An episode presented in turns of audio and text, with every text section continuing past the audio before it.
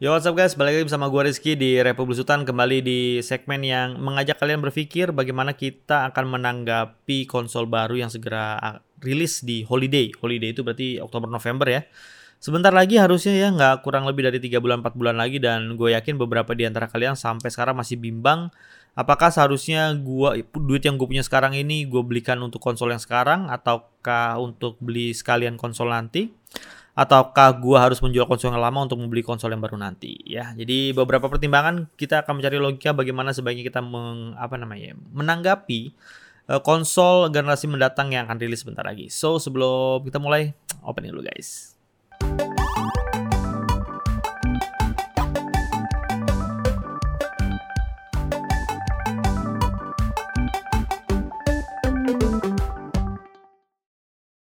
Nah, sejak setahun belakangan pasti kita juga udah tahu kita udah baca, kita juga udah lihat juga beberapa perusahaan yang buat konsol ya dari PlayStation, dari Microsoft juga. Itu udah menunjukkan teaser-teasernya uh, makin lama tuh makin kenceng. Dari mulai cuma sekedar logo ya terus juga habis itu bentuknya mulai ke reveal di Xbox terus habis itu speknya mulai ke reveal juga Habis itu game-game line up yang bakal eh, dihadirkan di konsol baru juga akan rilis yang baik itu yang sudah siap rilis di day one maupun yang sedang dalam tahap development juga siap. Uh, sampai apa lagi ya? Sampai uh, kemarin itu si PlayStation men-show uh, case kan DualSense-nya dia gitu ya, DualSense 5 dan uh, gue yakin juga beberapa di antara kalian um, pasti masih bingung ya uh, pasti ada yang ada yang nanya gimana gue apa yang harusnya gue lakukan? Apakah gue beli PS4 sekarang PS4 Pro ataukah gue harus nunggu konsol uh, yang baru? Karena sebentar lagi juga akan rilis jadi gue nabung sebentar lagi terus gue akan beli. Atau gue beli Nintendo Switch ya karena Nintendo Switch itu uh, out of uh, gimana ya? Jadi secara gue juga udah sama Dani juga udah sering uh, bilang bahwa Nintendo ini udah keluar dari jalur dan dia secara head to head udah nggak berkompetisi lagi dengan uh, Xbox maupun PlayStation So yang kita kita coba fokuskan, coba kita fokuskan dulu terhadap uh, PlayStation dan juga Xbox. Jadi PlayStation akan keluar dengan PlayStation 5 dan itu ada dua versi, yang versi dengan disc dan yang kedua diskless uh, dengan kata lain all digital. Sementara Xbox juga udah siap dengan Xbox Series X-nya dan kemarin sempat ada rumor juga ada Xbox Series S juga. Dan Xbox kemarin si Phil Spencer udah ngomong Phil Spencer itu VP-nya Xbox itu udah ngomong bahwa dia akan menghold menstop produksi Xbox uh, One. Nah, artinya apakah si Xbox ini memang udah benar-benar siap untuk jump in ke generasi kebaru si Xbox Series X ini. Sementara kalau untuk dari PS5 sendiri uh, malah kebalikannya, dia bilang dia tidak akan stop memproduksi PS4 ya. Jadi tetap akan terus diproduksi PS4 dan katanya beberapa uh, satu tahun dua tahun ke depan itu uh, dukungan game untuk PS4 pun masih ada. Jadi bagi kalian yang saat ini punya PS4 ataupun berencana buat PS4, oh, gue bisa bilang safe to say kalian PS4 kalian tuh umurnya masih ada sekitar satu tahun atau dua tahun lagi ya. Jadi masih ada. Lalu bagaimana dengan Xbox? Apakah semua uh, game yang akan dihentikan juga? Sebetulnya enggak. Karena uh, Xbox ini si Phil Spencer udah mengapa ya? memfokuskan layanannya dia itu bukan cuma hardware. Kalau kita kan selama ini kalau kita ngomongin konsol kita pasti ngomongin hardware. Kalau lo lihat pergerakan Xbox Game Pass itu dia sudah purely dia memfokuskannya di aplikasi. Dan lo juga bagi yang punya PC ya, tentunya dengan Windows yang original, itu kalian juga bisa menikmati Xbox Game Pass di PC walaupun line up-nya tidak sebanyak yang ada di konsol tapi beberapa gamenya bisa kalian nikmati juga di PC. Ini artinya juga beberapa dari kalian yang mungkin lebih suka bermain dengan keyboard atau mouse kalian bisa menggunakan Xbox Game Pass itu layanannya di PC. Well, which is cukup bagus. Box. Jadi si Phil Spencer itu ngomong bahwa pada saat nanti peluncuran Day One di Xbox Series X, kalian akan juga bisa menikmati uh, eh, 100 lebih judul game uh, Xbox ya di peluncuran hari pertama dengan menggunakan layanan dari Xbox Game Pass. Jadi artinya kalau kalian sekarang layanan Xbox Game Pass, kalian juga bisa menggunakan layanan tersebut dengan akun yang sama tentunya di Xbox Series X dan langsung bisa memainkan ratusan game di Xbox uh, Series X kalian. Lalu selama ini bagi kalian yang sudah berlangganan Xbox Game Pass, kalian paling pasti tahu bahwa beberapa game yang memang di develop uh, di develop oleh Microsoft Studios ya dan beberapa uh, developer eksklusif yang Microsoft Microsoft Studios itu day, uh, ketika game itu muncul di day one itu langsung muncul juga di Xbox Game Pass. Nah ini artinya ketika kalian nanti punya Xbox Series X kalian juga bisa langsung memainkan game-game eksklusifnya Xbox langsung di hari pertama dengan Xbox Game Pass. Ya, misal, misalnya uh, luncurnya ada 3 atau 4, berarti kalian bisa langsung uh, memainkan 3 atau 4 game tersebut. Dukungan terhadap Xbox One juga tidak berhenti juga, sama seperti PS bahkan lebih.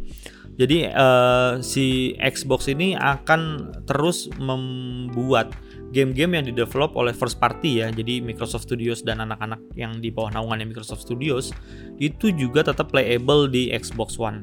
Jadi kayak mungkin kayak sebentar lagi baru rilis kayak Halo, kayak Cyberpunk, kayak eh, Assassin's Creed Valhalla itu udah pasti kalian juga bisa mainkan juga di Xbox One X ya, atau Xbox One biasa yang kalian punya saat ini. Nah, lalu bagaimana dengan PS4? Nah, kalau PS4 ini dan PS ya, terus terang ini jalurnya menurut gue masih apa ya dia tuh tidak tidak keluar jalur dari awal pertama kali dia rilis. Dia tetap sebagai jalurnya konsol. Dan bisa gue bilang kalau misalnya memang Xbox meninggalkan uh, PlayStation sebagai saingannya dan dia move on ke arah game streaming ya PS5 akan tetap pada jalurnya. Jadi kalian akan tetap merasakan bagaimana PS5 itu hadir dengan rasa yang sama dengan PS4 itu hadir. Artinya ketika kalian beli PS5 ya kalian juga harus beli gamenya. Jadi kalau misalnya uh, kalau nggak salah ada Spider-Man Miles Morales itu juga akan rilis di day one. Godfall juga bakal rilis di day one juga kayaknya. Itu artinya ketika kalian beli PS5 pun ya kalian juga harus uh, invest lagi duit kalian untuk membeli game. Gamenya apa? Yaitu ya game-game yang pengen kalian mainkan gitu ya. Beberapa game eksklusifnya si PS dan Nintendo itu uh, saat ini belum mengeluarkan apa pun ya pengumuman mengenai konsol generasi berikutnya. Jadi sampai saat ini nggak belum ada pengumuman apa pun dari Nintendo mengenai konsol yang akan hadir di akhir tahun ataupun di tahun 2021. Hanya saja rumornya memang Nintendo sedang mengembangkan uh, Nintendo Switch Pro atau apa pun itu ya next generation dari Nintendo Switch yang Nintendo sendiri pun belum mengkonfirmasi. Tapi yang pasti kemarin kita juga udah nonton Nintendo Direct Mini bahwa ada beberapa game yang siap diporting juga ke Nintendo Switch. Di antaranya adalah seri Shin Megami Tensei 3 dan juga 5 itu juga siap dirilis di Switch juga. Dan Switch ini menjadi uh, rumah para portingan game gitu. Jadi game-game yang dulu sempat populer di PS3 maupun di PS4 ya, itu sekarang berbondong-bondong di portingin ke Switch. Gitu. Jadi mungkin kalau kita masukkan Switch ke dalam bahasan ini agak menjadi kurang relevan ya karena Switch itu punya marketnya sendiri gitu yang harusnya nanti akan gue bahas secara sendiri gitu ya. Nah, balik lagi ke Xbox dan juga PS. Sekarang dari penjelasan gue tadi, kira-kira apakah kalian sudah mendapatkan gambaran uh, mana yang akan kalian beli? Kalau misalnya belum, sekarang gue akan coba pertegas lagi ya. Jadi rangkuman gue yang pertama bahwa Xbox sudah menghentikan produksi Xbox One-nya. Xbox sendiri udah bilang bahwa game-gamenya sudah siap uh, dirilis untuk di next generations maupun di Xbox One. Jadi beberapa game yang didevelop oleh first party-nya Microsoft, Xbox Xbox ya untuk Xbox uh, Microsoft Studios dan anak-anaknya itu sudah pasti akan dirilis juga di Xbox One. Jadi kalau kalian belum siap juga untuk move on ke ke mana ke next generation, kalian bisa tetap memainkan game-game terbaru di Xbox One. Oke, okay? terus yang ketiga Xbox uh, Series X akan hadir di Day One bersamaan juga dengan layanan terbaru untuk Xbox Game Pass yang juga valid untuk Xbox Series X. Artinya pada saat uh, Day One perilisan, jika ada beberapa game dari Microsoft Studios yang rilis pada saat uh, Day One uh, Xbox Series X itu luncur, kalian juga bisa memainkan game tersebut di melalui Xbox Game Pass. Jadi kalau ada 4 game, kalian bisa memainkan 4 game sekaligus dua game, tiga game ya. Gue rasa nggak cuma satu karena yang digembar-gemborin udah banyak dari mulai Assassin's Creed Valhalla, terus Cyberpunk dan juga ada juga si uh, Halo sebentar lagi ya. Gue rasa minimal Halo kalian bisa langsung mainin di Day One gitu ya minimal ya. Dengan beberapa game Xbox One dan juga Xbox 360 lainnya. Oke. Okay. Nah, terus kalau di sisi PlayStation, nah di sisi PlayStation ini PlayStation masih tetap menggunakan jalur lama yaitu menggunakan jalur konsol seperti biasa. Jadi kalian akan di, dihadirkan dengan uh, konsol PS5 disc dan juga diskless. Dan sementara dukungan untuk PS4 juga tetap berlanjut katanya satu tahun dua tahun ke depan uh, game-game untuk PS4 juga tetap masih akan dirilis walaupun jumlahnya udah nggak sebanyak sekarang.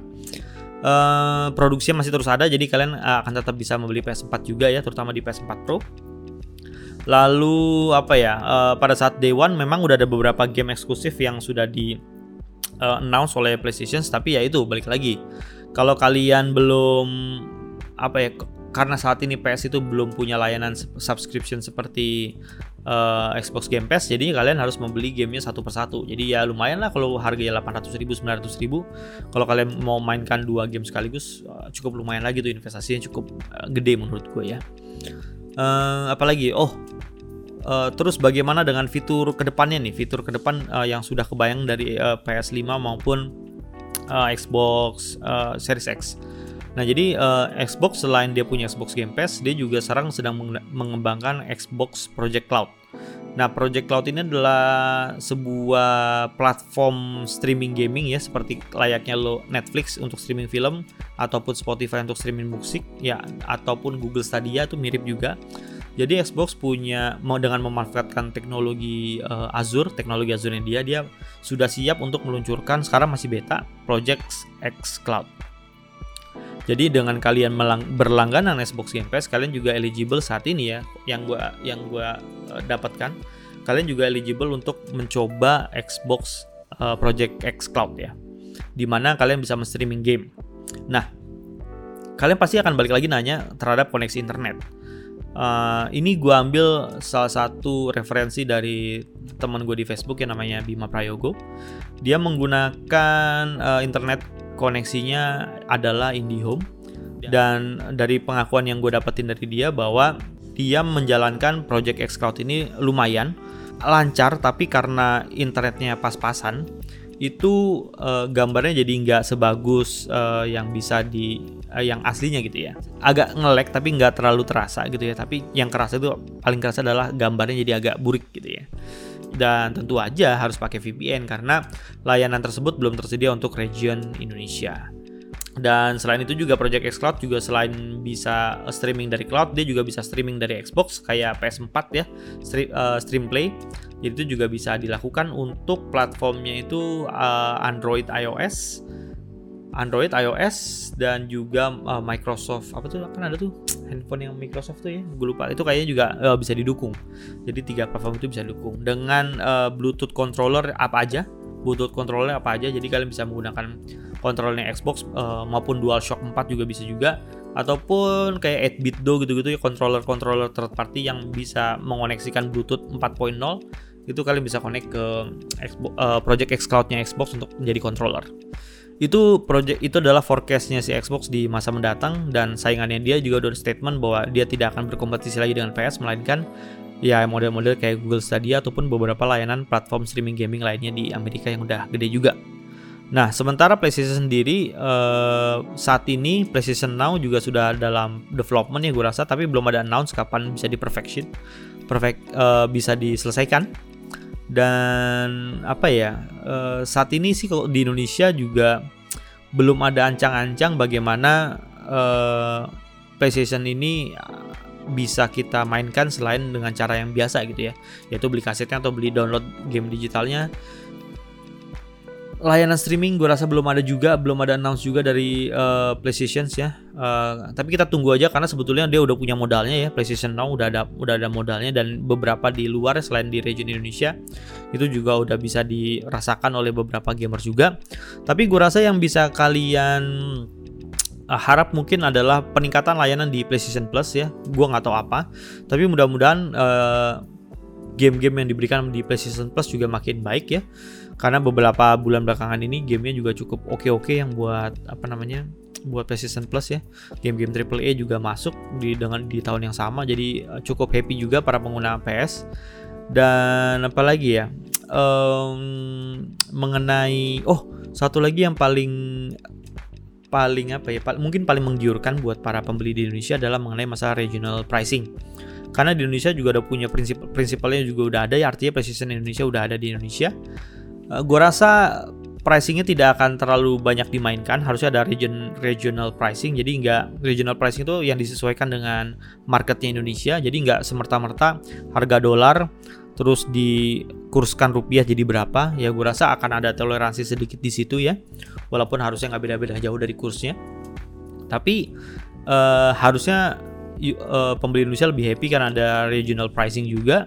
Dan masalah stok yang kejaga gue rasa Sony juga udah bersiap-siap mengantisipasi banyaknya uh, permintaan mengenai PS5 yang akan uh, segera hadir sebentar lagi gitu. Tapi yang terakhir ini yang penting yang perlu gue sampaikan selain dari konsolnya sendiri itu adalah mengenai masalah uh, additional price tag yang mungkin kalian lupakan ketika para konsol konsol-konsol generasi berikut ini datang gitu ya. Yang pertama adalah mengenai uh, masalah perangkat pendukung. Jadi kalau di PlayStation 5 sendiri udah jelas ada beberapa perangkat pendukung yang dipromosikan juga waktu reveal-nya kemarin ada headset, ada VR juga ada sama kameranya juga ada juga Terus Xbox belum ada, belum ada uh, additional additional peripheral yang uh, bisa dia show off gitu ya. Lalu yang uh, paling penting juga adalah mengenai masalah media tempat kita memainkan uh, konsol tersebut. Nah, jadi kemarin itu ada gambar-gambar juga katanya bisa mainin 8K ya kan. Terus di 4K juga 4K-nya bisa 60 fps lo bayangin 4K 60 fps itu susah loh cuy dan bakal smooth banget kalau bisa itu kejadian gitu ya. Tapi kita baik lagi lihat uh, harganya sendiri pun nggak murah. Bahkan lebih lebih mahal daripada konsol yang nanti akan muncul gitu TV-nya sendiri. Karena teknologinya masih tergolong teknologi mahal saat ini gue rasa gue rasa itu akan menjadi pertimbangan buat kalian. Kalau misalnya kalian beli konsol yang baru pun tentu aja beberapa fiturnya pun gue rasa belum maksimal di gamenya. Yang kedua adalah memang jika sudah maksimal gue rasa kalau TV kalian biasa-biasa aja gitu kalian juga pasti akan ngerasain ada bottleneck gitu di di TV-nya di medianya gitu. Karena apa ya karena ya ya nggak keluar aja semua fitur apa uh, powernya nggak keluar karena terhambat sama keterbatasan fitur yang dimiliki oleh televisi kalian. Jadi itu yang harus kalian harus kalian waspada juga ya presek yang nggak nggak kelihatan. Selain itu juga statement dari kedua prinsipal tersebut ya maupun Microsoft dan PlayStation mereka sama-sama bilang bahwa mereka masih terus akan mendukung konsol generasi sebelumnya yaitu PS4 untuk PS dan juga Xbox One untuk Microsoft. Jadi gue rasa bagi kalian yang masih mau bertahan dan menunggu uh, dan menunggu bagaimana perkembangan konsol ini kalian bisa tetap stick untuk bermain di konsol yang kalian punya sekarang atau di generasi sekarang. Jadi bagi kalian yang sekarang masih bingung ada baiknya sih gue bisa bilang safe to say kalian coba bisa beli untuk PS bisa beli PS4 kalau untuk Xbox bisa beli Xbox One-nya ataupun yang Nintendo Switch. Nah Switch enggak lah ya Switch enggak. Itu di luar out of nggak nggak di compare nggak bisa di compare soalnya nggak bisa di compare itu dia. Dan yang paling penting uh, pastiin ya kalian tetap bermainnya original ya karena gue rasa PS dulu sempat ada rumor juga masalah backward compatibility. Kalau Xbox sudah jelas dia udah menstate bahwa dia backward compatibility ke tiga generasi sebelumnya. Jadi dari Xbox Xbox 360 Xbox One itu bisa dimainkan juga di Xbox Series X gitu ya. Walaupun beberapa judul aja begitu mungkin ya. Dan PS juga kemarin rumornya sempat bilang akan ada benchmark. Tapi bagaimana bench, uh, eh benchmark lagi? Bagaimana backward compatibility itu bekerja masih belum di reveal yang penting sih kalian eh, bijak aja menanggapi situasi ini karena uh, selain tadi fitur-fitur yang ditawarkan, juga apa namanya uh, bagaimana experience yang ditawarkan juga masing-masing konsol ya.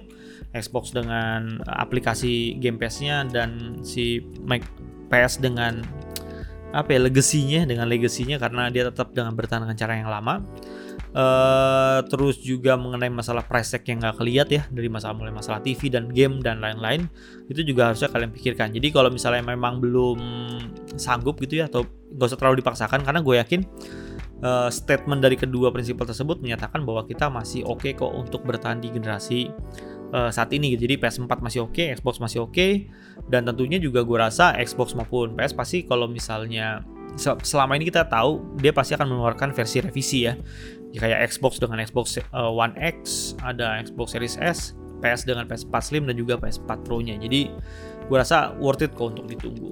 So uh, tentu aja Republik Sultan uh, coba akan kasih insight-insight lagi kepada kalian bagaimana mencari logika di balik uh, pembelian apa ya next gen ini ya apakah harus segera ataupun tidak itu mudah-mudahan kalian bisa berpikir baik-baik setelah kalian mendengar uh, sharing gue kali ini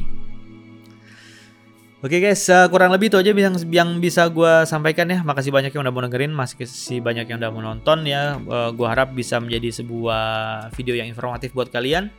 Dan semoga kalian juga bisa lebih bijak lagi uh, dalam menanggapi uh, apa ya, eksp, apa namanya, uh, konsol generasi mendatang ya yang sebentar lagi akan rilis gitu ya. Jadi nggak usah terlalu buru-buru, santai dibaca dulu semua aspeknya apakah sudah cocok dan sudah sesuai dengan kemauan atau gaya bermain kalian. Oke, bersama gue Rizky sampai ketemu lagi di video berikutnya guys. Bye bye.